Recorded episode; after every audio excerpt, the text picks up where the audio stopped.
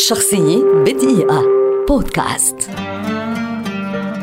ويل سميث ممثل مغني راب كاتب ومنتج أمريكي شهير ولد عام 1968 ويعد واحدا من أبرز الممثلين ومن أكثرهم تأثيرا وانتشارا على مستوى العالم.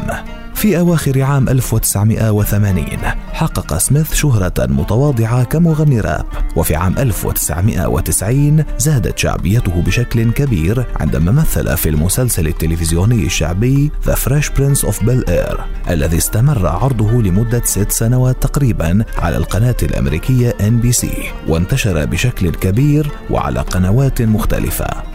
بعد ذلك انتقل ويل من البرامج التلفزيونية إلى الأفلام وفي نهاية المطاف تألق في عدد من الأفلام واسعة الصيت وصار نجما سينمائيا عالميا وهو الممثل الوحيد الذي مثل ثمانية أفلام على التوالي وصل إجمالي إيراداتها إلى أكثر من 100 مليون دولار في شباك التذاكر. اعتبارا من عام 2011 وصل إجمالي إيرادات أفلام ويل سميث إلى 5.7 بليون دولار في شباك التذاكر العالمي.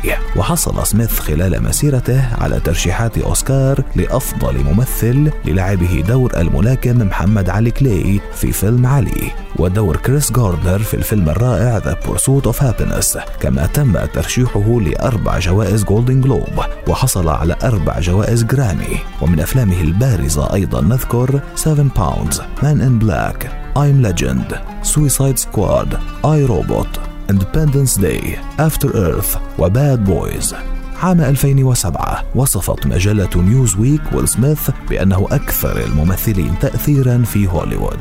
شخصية بدقيقة. بودكاست.